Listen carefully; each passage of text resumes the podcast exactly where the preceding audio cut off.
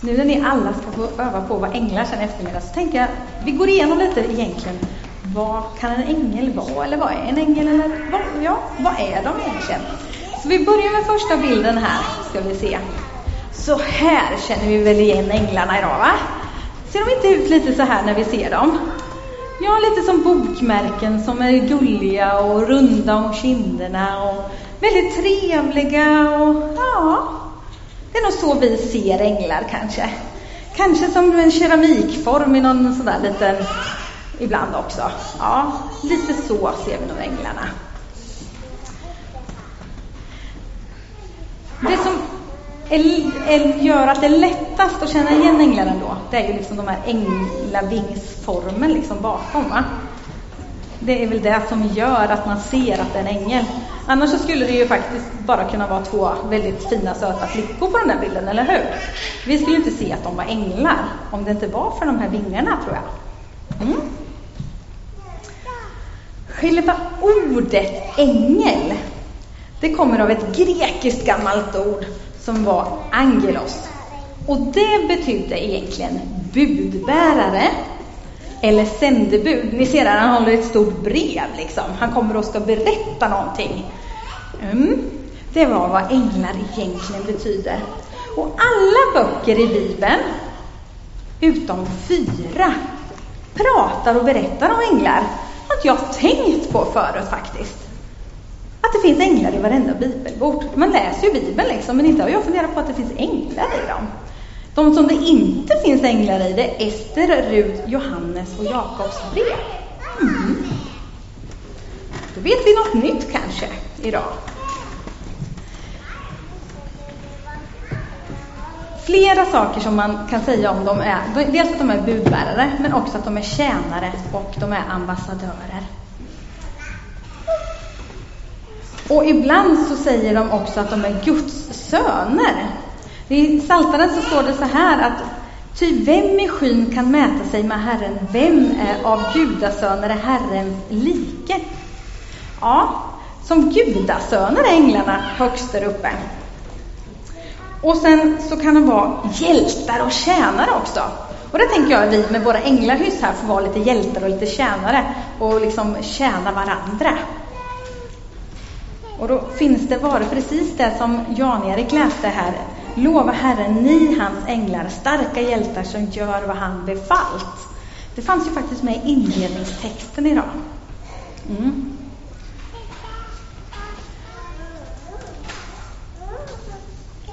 Här. Det står i Bibeln att änglarnas antal är oräkneligt. Alltså, tänk det är liksom så här som evigheten om man sitter och tänker på hur rymden, hur stor och lång den är. Liksom. Det är så oändligt så det går ju inte att fatta med den här lilla hjärnan jag har. Och likadant är det med änglarna, att de är så oändligt många så vi inte förstår hur många de är. Och de har övermäktig kraft och kunskap och vishet. Och det läste vi också om i dagens bibelord. Och de var med redan när jorden skapades. Det finns lite olika typer av änglar här uppe i himlen. Den ena är ärkeängeln. Det finns lite olika traditioner hur många de är. De är tre, fyra eller sju. Men ja, tre kanske. Och då kan jag namnet på tre. Eh, Gabriel, honom har vi nog hört talas om. Mikael finns också. Och sen har vi ett Rafael också. Sen har vi en annan typ. Det är den, de tänker med lite ärkeänglar, så här lite stora vingar liksom, och de här som är, har det. Sen har vi något som heter serafer. Och ni förstår att de har sex vingar. Alltså hur den ser en sån ut liksom? Som en eh, bläckfisk eller? Jag vet inte. Ja, men de har i alla fall två vingar som de flyger med och två vingar som de täcker kroppen med och två vingar som de täcker ansiktet med. För de är så nära Gud, så de täcker ansiktet för att liksom kunna vara så nära Gud. Och, och vara så nära hans helighet. Och de liksom får vara så här riktigt, riktigt nära. Eh, och sen har vi seraferna också. Nej, keruberna, de är det ju. Det är ofta de här vi tänker på, de här lite söta och gulliga sådär och mulliga. Man brukar kalla dem keruber, de här små statyerna som sitter och många har i trädgården eller hemma och sådär söta. Men vet ni att de egentligen i himlen har de fyra vingar med armar under och de tänker kroppen med två och så flyger de med två. Alltså jag vet inte riktigt hur Gud har skapat de här änglarna så det blir väldigt spännande att få se en vacker dag tänker jag. Va? Vilken typ kommer jag vara liksom? Alltså jag hoppas inte sex för jag har ingen taktkänsla va? Jag kommer ju krascha hela tiden. Ja, vi får se hur det blir. Mm. Här har vi gått vidare till eh, ett par änglar som jag tänkte på i den här sången som Hans sjöng så var det att Gud sände sina änglar när Lot skulle gå ut ur Sodom och Gomorra. Det var ju så här att Abraham innan hade ett samtal med Gud att rädda dem som är trogna dig i staden. Ja, men det ska jag göra. Om de är hundra eller först, han drog ju till lite Abraham först och tänkte att de är tusen, men det var de inte. och Så saxade han ner det och det vart ju bara färre och färre när han började fundera hur många var det egentligen som var trogna Gud i Sodom och Gomorra. Men han hittade i alla fall Lot och hans familj. Och då lovade Gud att han skulle skona just den familjen. Och då sände han sina änglar som stod, först kom de faktiskt redan kvällen innan det här skulle hända, det här tragiska när det, två städer rasade ihop. Och de åt kvällsmat ihop hemma med Lots familj och sådär. Och tänk att änglar kan komma hem och äta kvällsmat hos en. Det är lite spännande, tänker jag. Undrar hur det skulle vara om de ringde på hemma. Hur skulle jag reagera? Jag bara, jaha, välkommen in. Då, först ville inte Lot eh, liksom sådär riktigt släppa in dem, men sen så var de lite så påstridiga. Så då släppte han in dem. Ja, han förstod ändå till sist att det var änglar. Jag, tror, jag är inte säker att de hade så vingar på sig då, utan kanske var mer som vanliga män som ville komma in och äta liksom. Mm. Så tror jag att det kan vara lite med änglarna idag. Att de inte har de där vingarna på sig när de går runt i Bankeryd, utan de kanske ser ut lite som du och jag. Och det är det jag tänker att vi kan få vara såna änglar som hjälper varandra och skyddar varandra. Mm. I gryningen så drev änglarna på Lot och sa Skynda dig iväg och ta med dig din hustru och de båda döttrarna du har så att de inte förintas när staden straffar. Eh, Lot dröjde, men eftersom Herren ville skona honom tog männen, änglarna, honom och hans fru och de båda döttrarna och ledde dem ur staden och lämnade dem utanför. Så utanför så lämnar de och sen så... Men tänk att få änglar som lotsar en vidare i livet. Det tycker jag låter spännande. Mm. En annan ängel som liksom leder någon in i livet. Mm. Nu tror jag att det har bytt plats. Ta nästa. Där. Och så byter vi tillbaka sen. Bra. Här har vi ärkeängeln Gabriel som kommer till Maria och ska lämna ett besked till henne. Alltså undra hur hon egentligen tänkte. 14-15 år kommer en ängel in i rummet och säger Hej, du ska föda Guds son. Okej, okay. hopp. Ja, lite konstigt kanske. Hon ser lite förskräckt ut. Jag tänker hon sitter där i lugn och ro och läser en bibel eller så. Och sen bara lyser det upp lite och vem kommer in i mitt rum liksom?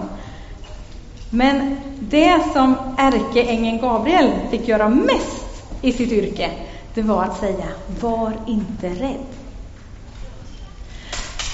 För varje gång han kom någonstans så blev de rädda. Så han fick alltid börja med, var inte rädd, jag har ett budskap från Gud. Och han var alltså den här budbäraren som ville leda oss människor, eftersom Gud ville leda oss och berätta om vad Gud ville göra i våra liv. Han såg ut som en vanlig man, den här Gabriel.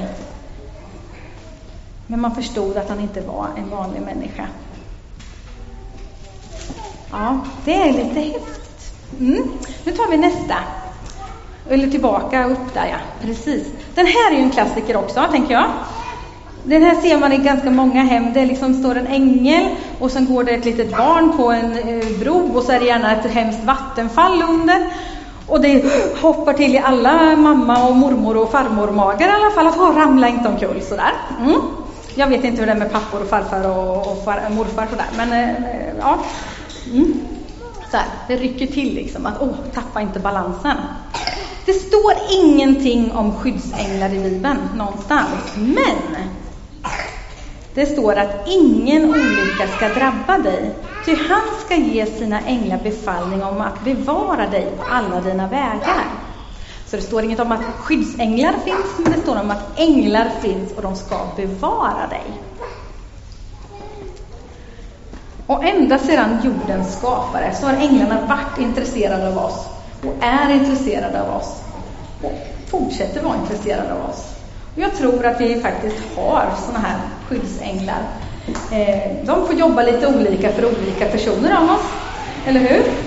Vi är lite olika, liksom, någon håller på att bryta benen och fötterna hela tiden och några går lite mer sansat på vägarna och en del kan bara skutta. Så jag tror skyddsänglarna jobbar lite olika för oss. Eh, och en del av oss behöver bevara hjärta och en del av oss, ja, bara ha, vet och är vissa i och är lugna i och har ett frid med att ja, men Guds änglar omsluter mig och är med mig.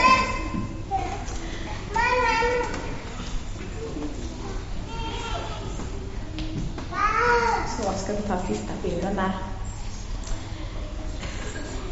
Och här har vi ett litet barn som nog är alldeles omsluten. Av änglavingar.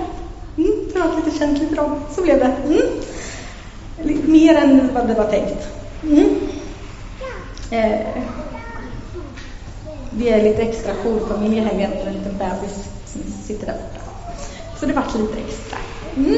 Det var inte meningen, det var inte tänkt, för det här gjorde jag onsdags. eh, men här är tanken i alla fall att vi också ska kunna känna oss som det här lilla barnet och vara helt omslutna av Guds Gud och Guds änglavingar. Eh, se till att ni inte föraktar någon enda av dessa små. Jag säger er att deras änglar i himlen alltid ser min himmelske faders ansikte. Alltså, Gud han vakar över var och en av oss och alla de små och de här änglarna står det om att de tittar ner på himlen och de tittar på Gud samtidigt som på något sätt har de två ansikten. De ser åt båda hållen samtidigt. Och det är för att kunna hålla Gud i sikte och inte släppa honom med blicken, men också inte släppa oss med blicken. Så att vi kan få vara och vila i Gud.